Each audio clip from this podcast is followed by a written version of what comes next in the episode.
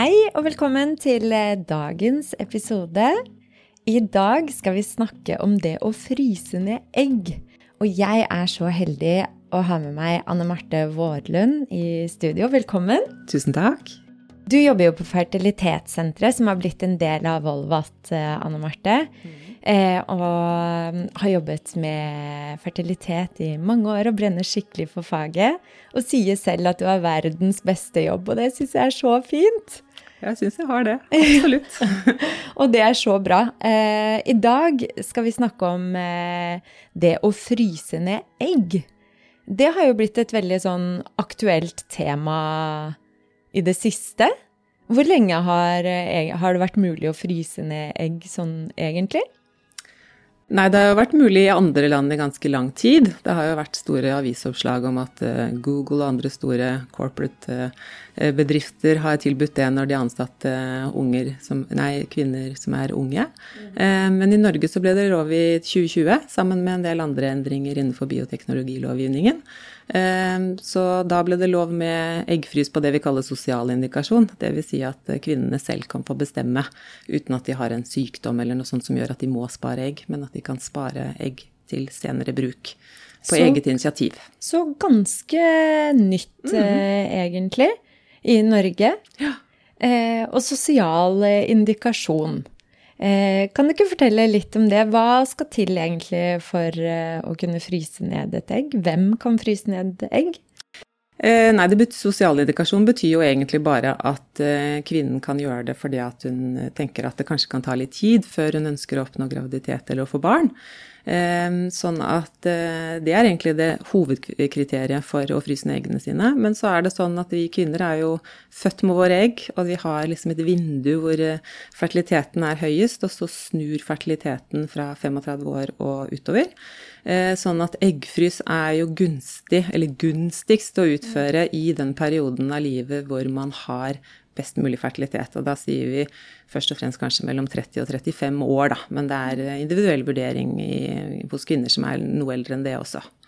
Så ja, det er hovedgrunnlaget. Så, så man kan ta det senere. Er det en sånn øvre maksgrense for eh, når man kan ta ut egg og fryse? Ikke noe juridisk sett, men vi ser det at det å gjøre eggfrys fra altså 39-40 år oppover, det Eh, er ofte veldig problematisk fordi at du får ikke frostet ned nok egg til at du har en, eh, en, god mulighet for å kunne oppnå graviditet senere.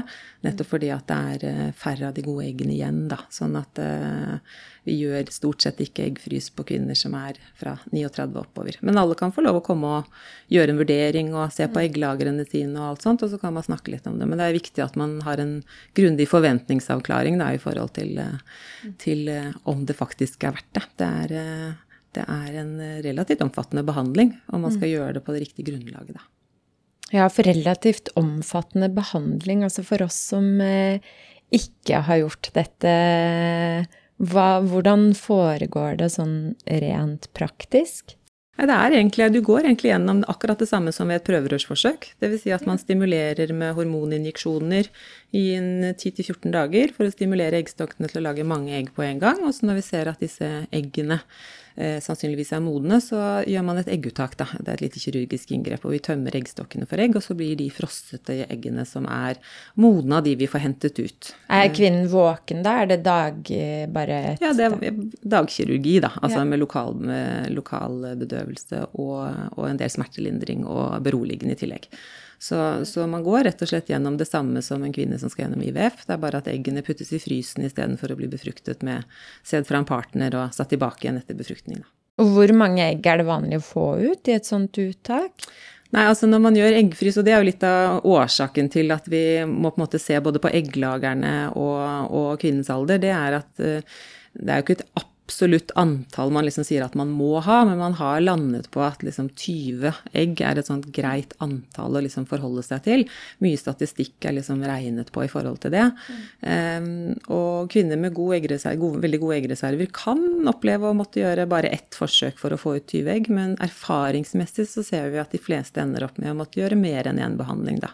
Kanskje to eller eventuelt tre behandlinger for å spare opp de, det antallet med egg som man tenker er, er lurt å ha i frysen. Da. Er det vondt å ta ut egg? det er ubehagelig. De fleste syns at det er ubehagelig og litt sånn pressfølelse og litt sånn rar følelse. Eh, jeg tror nok at de fleste som gruer seg veldig, blir positivt overrasket over at det går veldig greit. Og det er veldig raskt gjort. Det tar bare ti minutter.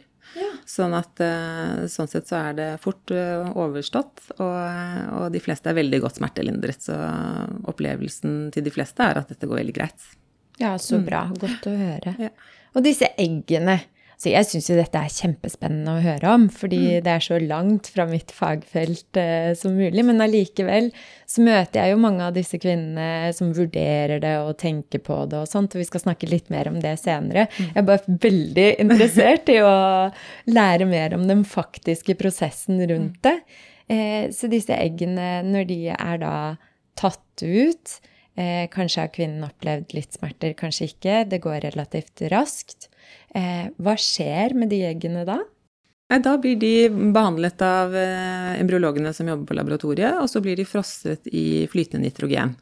Så da behandles de på en måte som gjør at de tåler den prosessen eh, godt. Og så legges de da i tanker med flytende nitrogen, altså minus 196 grader. Og så kan de ligge der per definisjon til evig tid. Men i Norge så har man en øvre aldersgrense på å bruke de, som er på 46 år, da.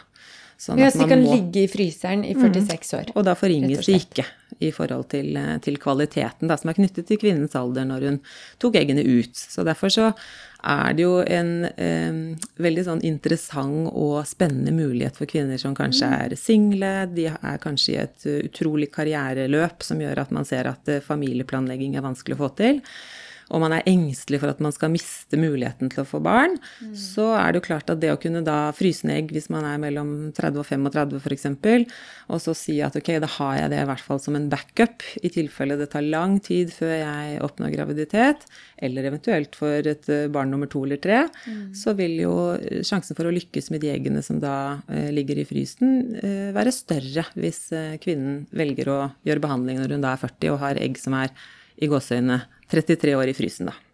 Ja. Kan jeg bare spørre 33 pluss 46 år? hva, er, hva, er liksom, hva, hva, er rammene for hva som er fysisk mulig? på? Nei, Den øvre aldersgrensen på 46 år den er jo forskjellig fra land til land, men vi er jo glad i Norge for at vi har en øvre aldersgrense. Ja. Man kan jo per definisjon sette tilbake igjen et, et nedfrosset egg i, i livmoren til en kvinne som er enda eldre, men det er jo noe med den, hva skal man si, den biologiske alderen hos kvinnen som tilsier at en graviditet er en ganske stor eh, påkjenning for kroppen. Sånn at man bør gjennomgå graviditet og fødsel i en periode hvor kroppen faktisk er i stand til å tåle den belastningen. Og da har man liksom landet på 46. Det er egentlig et sånt litt sånn Ja, Så 46 er øvre aldersgrense for, for når man kan, kan få det? Ja, riktig. Før man er 46. Så hvis man tar ut et egg eh, Hvis man tar ut et egg når man er 33, så har man på en måte 13 år. 13 år. Ja, egentlig 12 derfor for du må gjøre behandlingen før du fyller 46 år. Ja, sånn jeg skjønner. Men at det skal være en øvre aldersgrense, det er helt klart. Og det har å gjøre med at det er økt risiko for komplikasjoner i et svangerskap hvis du er godt voksen når du blir gravid. Alt fra høyt blodtrykk eller eh, morkakesvikt. Eh, det er mange forskjellige faktorer som gjør at man passer ekstra godt på kvinner som er godt voksne når de blir gravide. da. Men er, eh, så vi oppfordrer ikke til at kvinner skal vente til de er 45 år med å bli gravide, men man har en mulighet som, er, som ligger der, da. Mm. Men jeg må påpeke, da, det er jo viktig når vi snakker med kvinnene før, en, før et eggfrys, eh, hvor de kommer og ønsker det, at man i starten da det ble lov, så var det jo veldig sånn at man tenkte yes, det skal jeg gjøre. Da slipper jeg å stresse med det. Kan jeg bare legge mm. bort hele den kabalen med når skal jeg få barn, og så har jeg de eggene på frys, og så er det i boks. Men det er jo ingen garanti, og det er jo veldig viktig å liksom understreke. De gir en god mulighet, og jo flere egg og jo yngre du er når du fryser, altså mm. i hvert fall fra 30 og oppover, så, eh, så, øker jo sannsynligheten for at du kan få barn med de eggene. Men det er jo ingen som vet helt hvordan de eggene er, og hvor mange av de som blir befruktet, og hva de blir til etter at vi har tatt de opp. Så det er veldig viktig å vite at de gir en mulighet, men de gir ingen garanti. Mm. Så det er på en måte en, en slags forsikring, men som ikke gir full uttelling for alle. På ingen måte. Ja, og det tenker jeg også er viktig å, at man vet, da. Mm. Og også i forkant om man bestemmer seg for å ta ut egg, er dette noe for meg? Eh, at det også Ja. Ja, og det tenker jeg, Vi setter jo av mye tid til å prate om dette når de kommer til en samtale, både ut ifra eh, livssituasjon, eh, hvordan blodprøvene er i forhold til eggreserver og deres alder, og liksom forventninger ut ifra hva man eh, tenker at dette liksom skal, skal, gi en ekstra muligheter. Sånn at man gjør beslutningen om å gå i gang med en sånn type behandling på helt riktig grunnlag. Da. Mm. Um, og det føler jeg at de fleste er veldig reflektert på det, og, og har egentlig nå etter at det har vært lov en stund, uh, skjønner godt at dette ikke gir noen garanti, men at, det, at det kan gi en god mulighet. Da. Ja. Ja. Hvem, for hvem er det typisk som kommer med ønske om dette til dere? Du var jo litt inne på ja. det tidligere, og det er jo på en måte litt sånn samfunnet har blitt. Mm. At uh, man skal bli ferdig med skole, man skal uh, få seg en kjæreste, og så skal man reise jorden rundt, ja. Og så skal man kjøpe hund og hus, mm. og alt skal være på stell før man på en måte får dette barnet. Mm. Um, men, men hvem, er, er det, hvem, er, det, som kommer med disse forespørslene? Nei, det er jo, er jo, kvinner i akkurat den aldersgruppen. Ja, alt fra litt under 30 til, til, godt over 35, egentlig. Det er kanskje en ganske stor andel kvinner som også oppsøker oss som, har, som er eldre enn 35 også. ikke sant? Hvor man, mm. Det er jo gjerne sånn at man går og håper og tenker at nå skal jeg snart møte en partner. og nå blir det snart, og så går liksom tiden. Tiden løper litt fra en. Mm. Ja, For er det ofte single som kommer? Ja, det er veldig ofte single. Vi har, altså det er en del, en del unge par også som, som, som, kan Hvor kvinnen tenker at kanskje det er lurt, fordi at de har mye de har ønsker å gjøre. Mm. Eh, men, men, stort sett så er det kvinner som er single. Eh, som på en måte da ser at eh, hvis de da skal møte en partner, så er det jo ikke liksom bare å møte noen og så si ok, da skal vi få barn her og nå. Sånn at tiden vil jo på en måte Eh, gå da også. Og, og, da opplever nok mange kvinner at det kan gi litt sånn ro i den fasen hvor man skal prøve å finne en partner ved at man i hvert fall har gjort, man har gjort noen ting i forkant som gjør at man, at man eh, det Stresset ikke ja, blir sånn hengende. Ikke så stort, da. Så, men det er ganske stort spenn i alder, det er det. Og så er det jo, det må jeg si, det er ganske mange vi anbefaler å ikke, eller fraråder å gjøre det. Det kan være kvinner som, som er kanskje litt for voksne til at vi tenker at man får en reell god mulighet i forhold til hva man legger inn av, av både tid og fysisk ubehag og ikke kostnader og sånt også. Det er kostbar behandling også. Mm. Prøver å veilede dem i om det er verdt det. Og det går jo litt på hva slags perspektiv de har på tid også. Hvis man fryser ned eggene sine og tenker at ja, men jeg skal bruke det til neste år, så er den forskjellen kanskje ikke så stor. Du får kanskje ikke så mye igjen for det. Og hvis du da i tillegg ikke har så mange egg du kan få frosset ned, så, så blir man litt lurt av at, at mulighetene er der, men de er kanskje ikke så høye. Eh, og så er det jo, kan det jo være veldig unge kvinner som har veldig lave eggreserver, hvor man ser at det er veldig vanskelig å spare egg.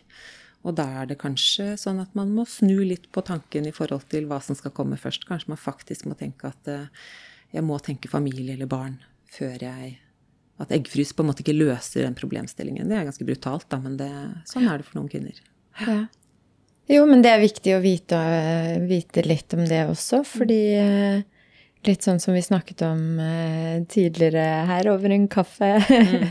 eh, at eh, vi er så veldig sånn in charge over livene våre og har, er så heldige i Norge å ha muligheten til å egentlig eh, alle få en utdannelse, en jobb og planlegge livet sitt slik man ønsker, men, men, at ikke alt kan planlegges, er jo også viktig å vite hvis man begynner å tenke på om man skal fryse ned eller ikke. At det, eh, utfallet kan bli en beskjed man kanskje må ta med seg i de store avgjørelsene, da. Mm. For det er jo noen som kommer til oss og gjør en, en slags utredning først, da, ikke sant. Og mm. da, da, er det jo noen som får beskjed som, de, som ikke er noe god å få, ikke sant. Om at man kanskje har veldig lave, lave eggreserver eller mm. kom for sent eller noe sånt noe. Men, eh, men, eh, mange får jo lov til å fryse eggene sine, men vi skal se at det, at det gjør dem noe godt da, i forhold til å, å gjøre det. Så vi er, vi er ærlige, ærlige, på hva vi tenker at det er, er riktige, riktige personer å fryse egg på, da. Har du opplevd eh, For hvordan er det med gutta som står i disse parforholdene hvor man tar ut egg? De kan jo ikke bidra med sånn kjempemye annet enn kanskje mening eller råd eller spørsmål. Hvordan opplever du de i disse prosessene hvor det kommer par og skal fryse ned egg? Og det tenker jeg, De er som regel veldig støttende, og det er jo liksom litt sånn å heie på sin partner, da. Men det er jo stort sett eh, kvinnen som på en måte kjenner mest på dette stresset med den biologiske klokken. Sånn at eh, ja, da føler jeg at de er, eh, de er en god heiagjeng. Så der er det Hvis du kjenner at dette er riktig for oss, så gjør vi det. Og så får du ikke gjort så mye annet enn å, som du sier, heie. Men, men de er jo stort sett positivt innstilt til det. Eh, fordi at det også kan gjøre at man kanskje kan sette ting litt på vent, da. Ja, ja ikke sant. Og at stresset ikke blir så overveldende mm, på de også. At blir helt sånn kvelende. Ja. ja, absolutt. Mm. Absolutt.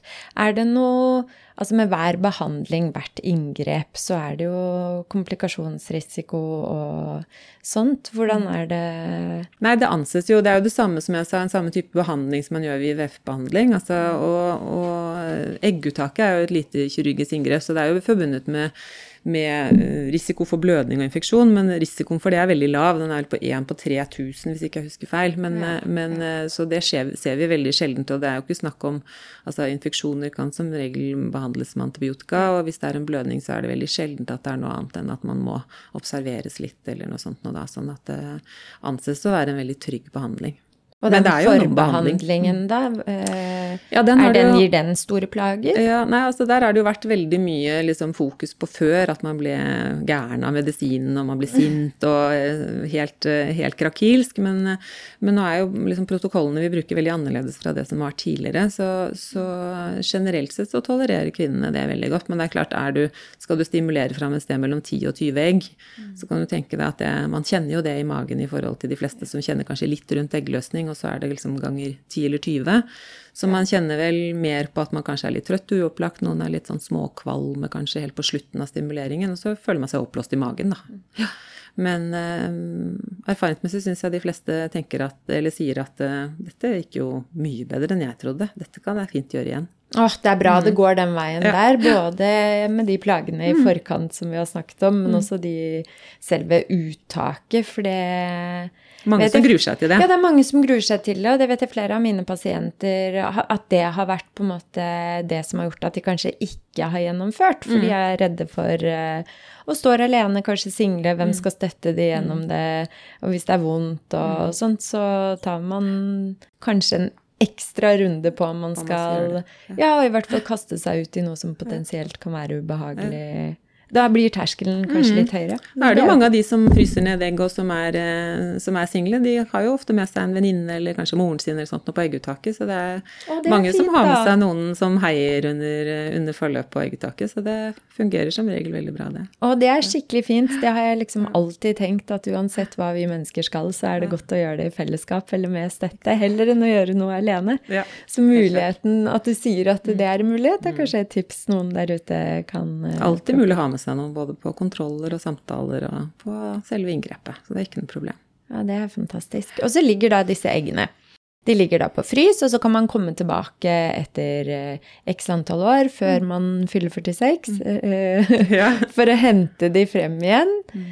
Eh, hvordan Kommer man til samme behandler da, eller forsøker man å på en måte få For dette er jo en sårbar ting å gjøre. Det mm. føles jo veldig nært. Mm. Eh, er det sånn at man får oppfølging av den samme som tok de ut? Eh, at man prøver å tilstrebe det mot at den er der, eller er mm. det, hvordan opplever dere at kvinner ønsker det og sånt? Ja, det er jo ganske nytt, altså. Det er ikke så mange vi har gjort det på. Men det er jo liksom det som er tanken, da. At man kommer tilbake og at man skal møte fortrinnsvis de man har møtt. Eh, vi er jo en relativt liten klinikk, så man, eh, man blir godt kjent med de man på en måte møter på klinikken ved, ved egguttaket eller ved første behandling. Så, så det er jo tanken at man tilstreber tilstreber og enkelt kan komme tilbake igjen til de man liksom har møtt før. Mm. Uh, og da vil man gjøre en ny status og snakke litt om hva som blir veien videre. Og da er det jo liksom det er jo det som et prøverørsforsøk som liksom er delt opp. Eggene skal tines opp og se om de har overlevd, og så skal man jo da bruke eh, sted for å få de befruktet. Og så må man se hva man sitter igjen med etterkant før man da setter tilbake igjen. Så ja. da er man liksom over på den hva skal man si, steg to på en IVF-behandling, da. Ja. Mm. Og så skal det jo sies, og det tror jeg også er liksom viktig som vi bruker litt tid på når vi har en samtale med, med disse kvinnene første gang, at én um, ting er at det ikke gir en garanti for at man kan få barn, men det gir en veldig god mulighet for veldig mange. Eh, men hvis man ser på statistikken rundt omkring i Europa og USA i forhold til eh, nedfrysning av egg, og hvor mange som faktisk kommer tilbake og bruker eggene sine, mm. så er det en veldig liten andel. Det er kanskje maks 15% 10-12 Er det det? Ja, for så, det har jeg tenkt en del mm. på. Så det er, eh, og det er jo egentlig positivt, for da regner man jo med at de fleste egentlig har fikset alt på egen hånd. Og det liksom blir en forsikring som blir liggende der. men eh, Man har egg i banken, men det er ikke, er ikke, bruk for dem. Men det skal man jo også ta med seg i vurderingen for om det er verdt å gå gjennom. da. Mm. At det faktisk er en veldig liten andel som ender opp med faktisk å bruke de eggene som man har frostet ned. Ja, Det var veldig mm. interessant. 15 yes. mm. Og hva skjer med de ubrukte eggene? Nei, de ligger jo der til I Norge så er det jo sånn at de ligger i frysen til, de, til kvinnen er 46, nei, fylt 46 år, og så blir de destruert. Ja, Det er eh, ikke så, noe omelettmateriale? Nei, ingenting vi bruker de til, annet enn at de ligger der til, til eget bruk, sånn som det er nå. Ja. Mm. ja. ja. Nei, men fantastisk mulighet, tenker mm. jeg, og en skikkelig sånn Et viktig steg frem for egentlig kvinner i dagens samfunn som eh, kjenner på dette med å stå i spagaten mellom forventninger utenfra og innenfra, egentlig, hos seg selv, med jobb og karriere og egen økonomi og trygghet og sånt, samtidig som kroppen er kroppen, og den biologiske klokken eh, tikker. Det er jo, samsvarer jo ikke helt det vi står i nå. Eh, men, men, at dette på en måte kommer frem som et alternativ og en mulighet til eh, kvinner, tenker jeg er så fint. Eh, og jeg håper virkelig det ikke er noen som skammer seg over eh, eh, å gjøre det, eller å tenke på å gjøre det, eller Men at det kan bli noe som er helt vanlig å snakke om. Litt sånn samme som man snakker om fondssparing, eller eh, litt sånn andre betryggende faktorer som vi bruker i livet vårt, da. Mm.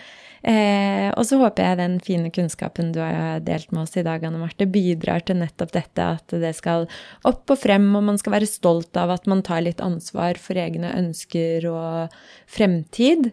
Um, og at, man, at, det ikke er så skummelt som man kanskje tror eller har hørt. Absolutt. Jeg tenker at det skal være lavterskel for Hvis man lurer på det og har vurdert det, så, så tenker jeg at det er egentlig bare å, å, å ta den praten. Eventuelt få, komme til en samtale, ta de blodprøvene. Så kan man snakke sammen. Det er ingenting som som på en måte enten uh, går den ene eller andre veien helt absolutt uh, ut ifra det. Men uh, det, man skal i hvert fall ikke skamme seg for det. Det er, det er en veldig fin mulighet for, for, en god gruppe med kvinner som kanskje kjenner på, akkurat som du sier, den spagaten der. Så, så det skal man tenke på som en mulighet man skal være stolt av at man kan gripe hvis man vil.